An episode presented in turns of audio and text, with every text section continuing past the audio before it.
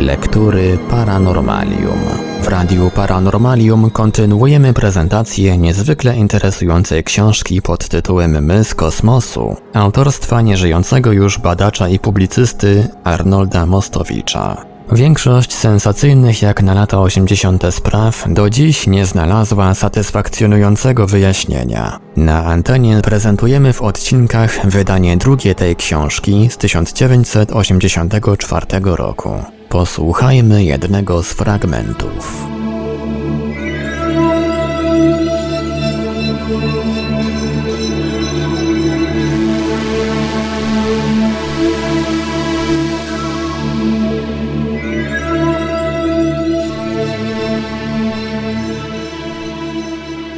Przedziwna historia o figurkach z Akambaro i o kamieniach z Ika. Dla kilku istotnych powodów postanowiliśmy połączyć razem relacje o dwóch niezwykłych, gwałcących logikę i zdrowy rozsądek odkryciach archeologicznych. Odkrycia te dokonane zostały w Acambaro w środkowym Meksyku i w Ica w Peru. Nie wydaje nam się, żeby powody te trzeba było specjalnie wypunktować. Czytelnicy sami zorientują się w intencjach autora. Historię o figurkach czy statuetkach w Acambaro pozwolę sobie opowiedzieć za niejakim Ronaldem J. Willisem, którego obszerna relacja na ten temat znalazła się w dziwnym, jak samo to wydarzenie, czasopiśmie amerykańskim noszącym nazwę Info. Info to początek słowa informacja, a zarazem skrót nazwy informacja Forta, co też z kolei wymaga wyjaśnienia. Charles Ford był hobbystą amerykańskim, który zmarł w 1932 roku. Zbierał on mianowicie i notował informacje o nadzwyczajnych, niewyjaśnionych faktach i wiadomościach, które ponoć dokładnie sprawdzał. Niezwykłym faktom poświęcił cztery książki. Po jego śmierci powstało w Stanach Zjednoczonych Stowarzyszenie Charlesa Forta, którego jednym z założycieli był Theodore Dreiser. Stowarzyszenie to wydawało do roku 1950 miesięcznik o nazwie Doubt wątpliwość. Na miejsce tego miesięcznika powstało kilka lat później inne pismo o nazwie Info, gdzie w roku 1969 ukazała się relacja, na którą się powołujemy. Sprawa statuetek z Acambaro była zresztą poruszana w wielu książkach. Pisał o nich Jacques Bergier. Obszerny rozdział poświęcił im Robert Charroux w książce, o której będzie za chwilę mowa. Ika zaś to miejscowość w Peru, leżąca niedaleko słynnej Nazca. O odkryciu w Ika olbrzymiej ilości czarnych kamieni prasa polska kilkakrotnie donosiła, głównie na podstawie artykułu Roberta Charroux w tygodniku Paris Match, grudzień 1974 roku. Kilka miesięcy później ukazała się w wydawnictwie Roberta Lafont książka tego autora pod tytułem Tajemnica Andów, w której historia kamieni z Ika jest bardzo szczegółowo opowiedziana. Wiele miejsca poświęcił kamieniom z Ika również Erich von Däniken w swojej książce Beweise. Dowody. Warto nadmienić, że ta, wydana w 1978 roku książka przez 53 tygodnie znajdowała się na liście bestsellerów w RFN. Nazwisko Roberta Charroux dość często przewija się w niniejszych relacjach, wypada więc przedstawić go nieco bliżej. Jest to, podobnie jak von Däniken, publicysta, reporter, podróżnik. Jeden z tych, którzy uważają, że prawdziwa historia naszej cywilizacji nie została jeszcze napisana. Charroux jest głęboko przekonany, że historia człowieka cywilizowanego sięga na setki tysięcy lat, jeśli nie na miliony, w głąb dziejów. Również i on uważa, że w dzieje nasze ingerowali przedstawiciele jakiejś pozaziemskiej cywilizacji i że niepośrednią rolę w tej interwencji odegrała prawdopodobnie Atlantyda. Książka Tajemnica Andów jest siódmą książką tego autora. Błogosławione skutki deszczu. W roku 1945 niejaki Waldemar Julsrud Kupiec z miejscowości Acambaro w Meksyku, jadąc konno, zauważył, że w pewnej odległości od miasta gwałtowne deszcze odsłoniły zakopane w ziemi jakieś resztki, czy też odłamki wyrobów glinianych. Ponieważ sam był zbieraczem antyków, nie chcąc tracić interesującej być może okazji, zabrał ze sobą jedną z odsłoniętych statuetek, a gdy deszcze minęły, na miejsce owego znaleziska posłał pewnego miejscowego garncarza nazwiskiem Odilon Tinahero, który miał zorientować się, czy rzecz jest warta zachodu, to jest dalszych poszukiwań. Znalezisko okazało się niezwykle bogatym zbiorem glinianych statuetek, według wszelkiego prawdopodobieństwa bardzo starych. Do 1952 roku Julius Ruth uzbierał ich ponad 30 tysięcy. Co to są za statuetki? Wszystkie wykonane zostały ze zwykłej glinki, wypalanej, jak twierdzą fachowcy, na powietrzu, poniżej 500 stopni.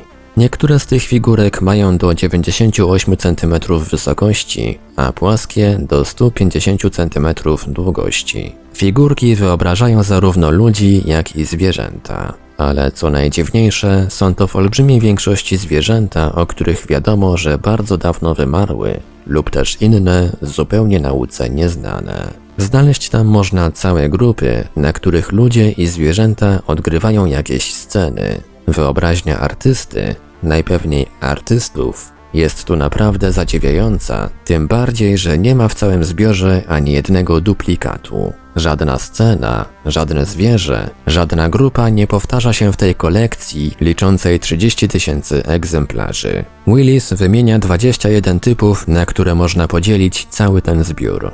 Oprócz statuetek znajdują się tam także zwykłe naczynia gliniane typu taraskańskiego. Otóż w Akambaro mieszkali przed wiekami Taraskowie, dość tajemniczy lud, których języka pozostali mieszkańcy Meksyku nie rozumieli. Wywodzili się prawdopodobnie z Peru, co być może ma pewne znaczenie dla znalezienia klucza mogącego rozwiązać tę zagadkę. Największą sensację wzbudzają w tym zbiorze zwierzęta przedpotopowe dinozaury, plezjozaury czy brontozaury. Przy czym figurki przedstawiają wiele z tych zwierząt żyjących w najlepszej komitywie z ludźmi. Rzecz z wielu punktów widzenia nieprawdopodobna. Przecież wielkie jaszczury, jak wiadomo, zniknęły z powierzchni Ziemi około 70 milionów lat temu. Jest więc po pierwsze rzeczą niemożliwą, by żyjący kilka tysięcy lat temu Indianie wiedzieli, jak zwierzęta te wyglądają. Po drugie, zupełnie nieprawdopodobne wydaje się współżycie ludzi z dinozaurami, skoro, jak twierdzi nauka, nasz bezpośredni przodek pojawił się zaledwie kilkadziesiąt tysięcy lat temu. Dzisiaj mógłby sobie artysta pozwolić na podobną fantazję, jako że wygląd tych dawno wymarłych zwierząt został dostatecznie spopularyzowany przez odpowiednią literaturę, filmy czy telewizję. Ale kilka tysięcy lat temu Zresztą znajdują się wśród tych statuetek i takie, które przedstawiają zwierzęta wymarłe znacznie później, bo 10-12 tysięcy lat przed naszą erą. Ale i one nie mogły być w żaden sposób znane twórcom tych statuetek. Pozostałe wyroby gliniane znalezione w Akambaro to, jak już powiedzieliśmy, garnki, a poza tym fajki, maski, mumie, oraz jakieś inne przedmioty, o których przeznaczeniu nic dzisiaj powiedzieć nie potrafimy. Za każdym razem, kiedy dokonywane są podobne odkrycia, kiedy oczom ludzkim ukazuje się coś, co podważa ustalenia nauki, Mowa jest o fałszerstwie. Oczywiście nieprawdopodobnym wydaje się fakt, że Indianie sprzed kilkudziesięciu, a może i więcej wieków wiedzieli, jak wyglądają zwierzęta wymarłe kilkadziesiąt milionów lat wcześniej. Niewiarygodne jest łączenie ludzi i tych zwierząt w baraszkujące swobodnie grupy. Wreszcie podejrzenie wzbudza fakt, że przedmioty te mogły przeleżeć w ziemi przez tak długi okres i nie pokryły się patyną.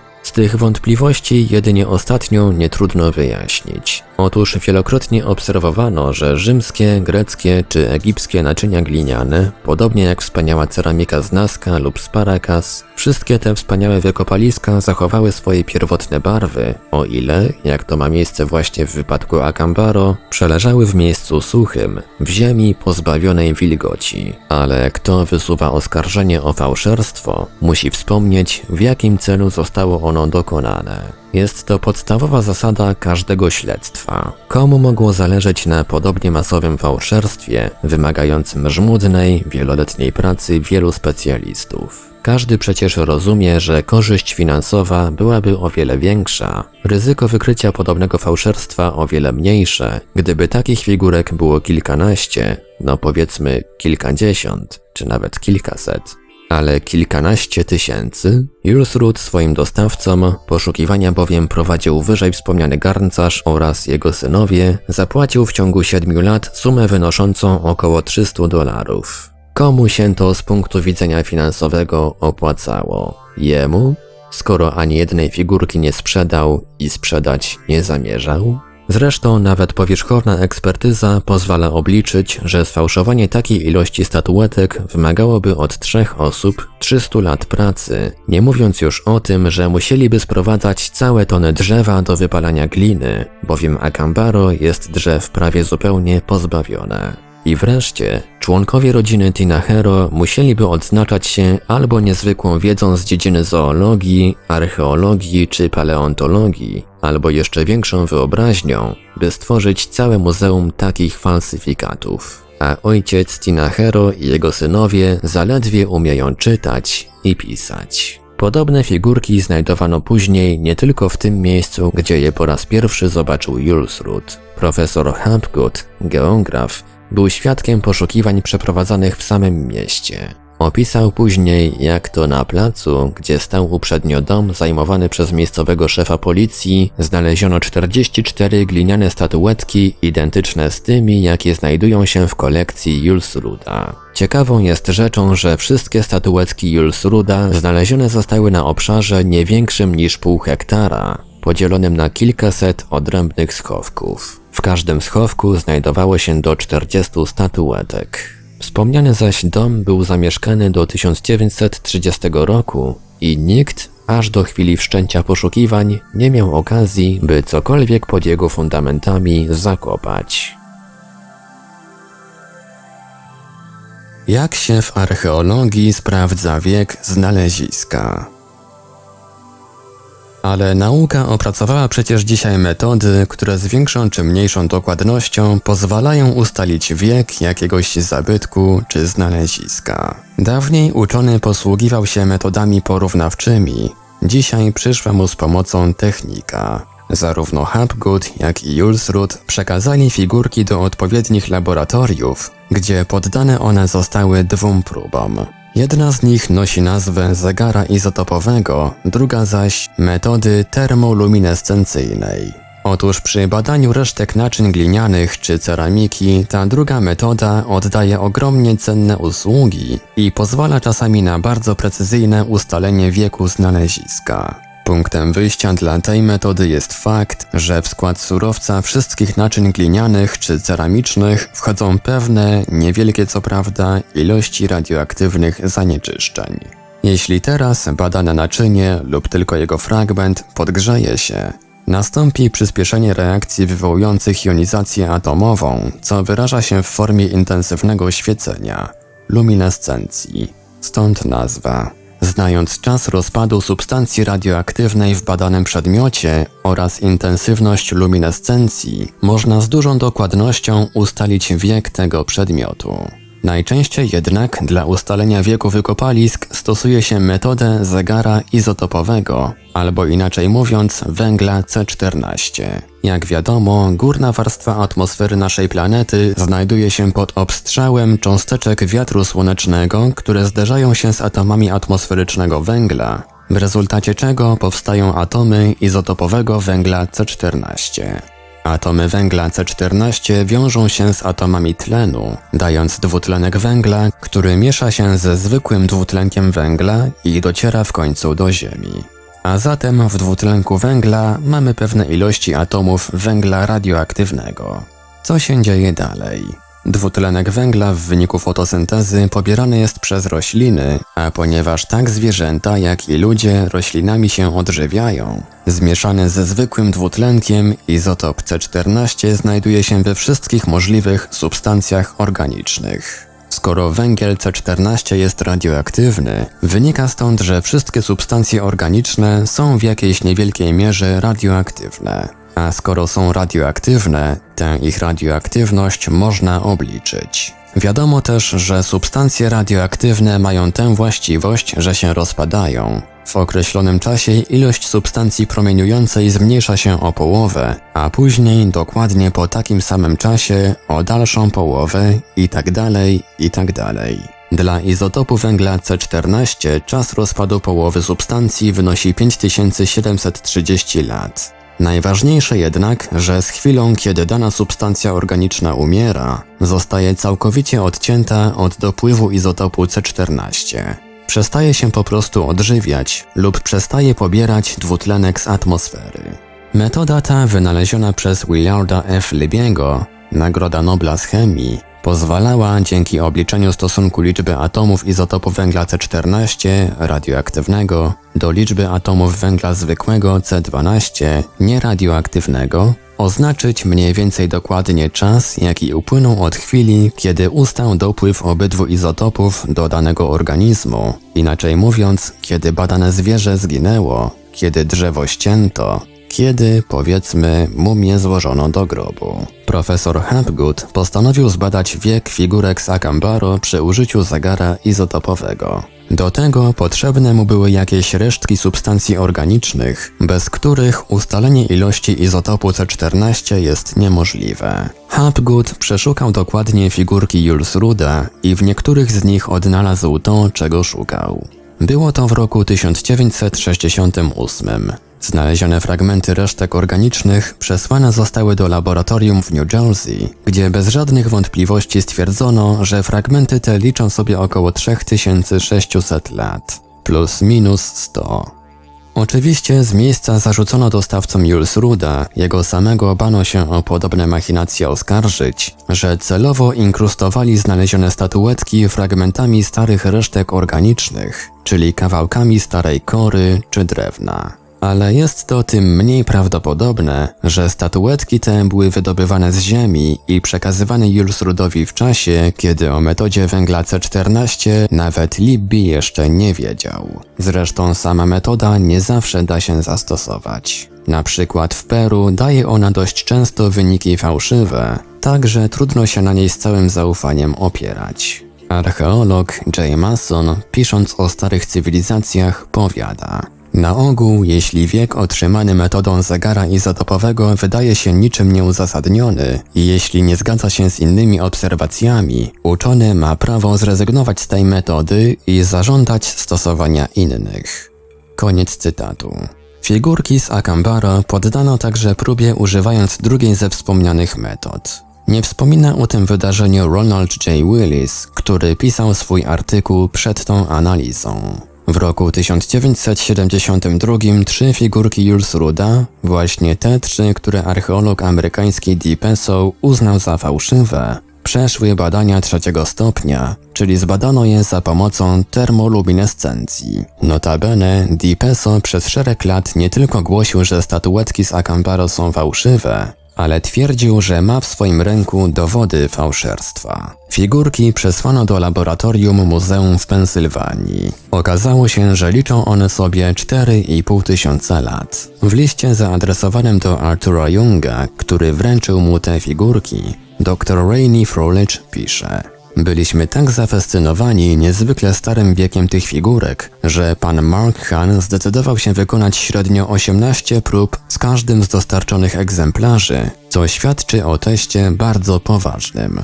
Wszystkie trzy figurki dały tę samą datę 2,5 tysiąca lat przed nową erą, czyli 4,5 tysiąca lat. Laboratorium zachowuje tę datę dla całej kolekcji pana Julsruda. Sprawa niezamknięta. Figurki są dziełem niemałego kunsztu artystycznego. Nie ma wątpliwości, co twórca zamierzał przedstawić. Natomiast niektóre szczegóły są bądź zamazane, bądź też ukazane ze swoistą fantazją, jak na przykład płetwy u nóg niektórych postaci ludzkich. Odkrycie z Akambaro liczy sobie dzisiaj ponad 30 lat, ale sprawa bynajmniej nie została zamknięta. Chociażby dlatego, że nadal, mimo wyników badań laboratoryjnych, ignorowana jest przez archeologów. Z tą różnicą, że zamiast twierdzić, iż statuetki Julsruda są fałszywe, w ogóle się o nich nie wspomina, jak w solidnej rodzinie o córce, która nieodpowiednio się prowadzi. Na szczęście sprawą interesuje się nadal profesor Hapgood. Od czasu do czasu rzuca nowe argumenty na szale autentyczności tych statuetek. Między innymi odkrył on na tym samym placu, gdzie znaleziono wspomniane uprzednio 44 statuetki, zakopane w głębi ziemi schody wiodące do... Właśnie, że nie wiadomo dokąd. Aby je oczyścić z gruzów, z kamieni czy ziemi, trzeba zarówno czasu, jak i pieniędzy. Jednego i drugiego na razie brak. Hapgood stwierdził ponadto, że podobne statuetki znaleziono nie tylko w Acambaro. Identyczne figurki sprzedawano turystom w San Miguel Allende, niedaleko Acambaro. W miejscowości tej wznoszą się piramidy i w tych właśnie piramidach znajdowano statuetki. Aby i w tym wypadku nie było wątpliwości i zarzutów wiadomego rodzaju, Hapgood rzecz dokładnie sprawdził. W piramidach, będących grobami, widoczne są wydrążenia, przez które wyciągano figurki, sprzedawane następnie turystom. W tym więc wypadku statuetki były inaczej przechowywane niż statuetki w Acambaro. Jeszcze jeden szczegół warto tu podać. Otóż między figurkami odkopanymi w Acambaro znaleziono pojedyncze zęby wymarłego w okresie wczesnego Pleistocenu. Tak konia Owena. Equus conversidens. Natomiast niektóre z samych statuetek wyobrażają niewątpliwie tego właśnie konia. Trudno przypuścić, by wyobraźnia artysty podsunęła mu wygląd konia na podstawie kilku zębów tego zwierzęcia, dawno już wymarłego. Ale nie tylko profesor Hapgood uważa statuetki z Akambaro za zabytek jak najbardziej autentyczny. Uważa je za niezwykle ważne znalezisko uczony radziecki profesor Busłajew. W artykule, jaki profesor Busłajew zamieścił w czasopiśmie Technika Młodzieży, numer pierwszy z 1971 roku, daje on przede wszystkim wyraz przekonaniu, że celowo utrudnia się przeprowadzenie badań nad statuetkami z Acambaro. Zarzut jest już częściowo nieaktualny, jeśli się zważy badania przeprowadzone metodą termoluminescencyjną i że władze Meksyku ponoszą odpowiedzialność za to, że tak ważne dla dziejów ludzkości znalezisko zostało w dużej mierze rozproszone między prywatnych kolekcjonerów. A figurki te, cytuję, stanowić mogą szerokie okno, umożliwiające nauce współczesnej spojrzenie w odległą przeszłość. Profesor Bosłajew przypuszcza, że figurki są autentyczne. Co więcej, uważa, że wizerunki zwierząt wykonano mając za wzór ostatnie, pojedyncze egzemplarze gatunków zwierząt, które przed milionami lat żyły na naszej planecie. Uczony radziecki sądzi też, że dużą rolę w powstaniu tych figurek odgrywał kult aligatora. Aligatory to, jak wiadomo, amerykańskie krokodyle. W dawnym Meksyku istniał kult aligatora i nie jest wykluczone, że na niektórych terenach kraju zwierzęta te oswajano. I oczywiście widok kobiety dosiadającej aligatora byłby w tym wypadku całkowicie do przyjęcia. Byłby w każdym razie bardziej prawdopodobny niż wizerunek kobiety dosiadającej dinozaura. Figurki z Akambaro, twierdzi profesor Bosłajew, są czymś w rodzaju przekazywanych z pokolenia na pokolenie wspomnień, sięgających okresu sprzed 20 tysięcy czy może więcej lat. O innych hipotezach czy przypuszczeniach mowa będzie za chwilę. Nie można bowiem szukać odpowiedzi na pytania stawiane przez wykopaliska środkowoamerykańskie bez powiązania ich z innymi, nie mniej frapującymi odkryciami dokonanymi na terenie Ameryki Południowej, w Peru.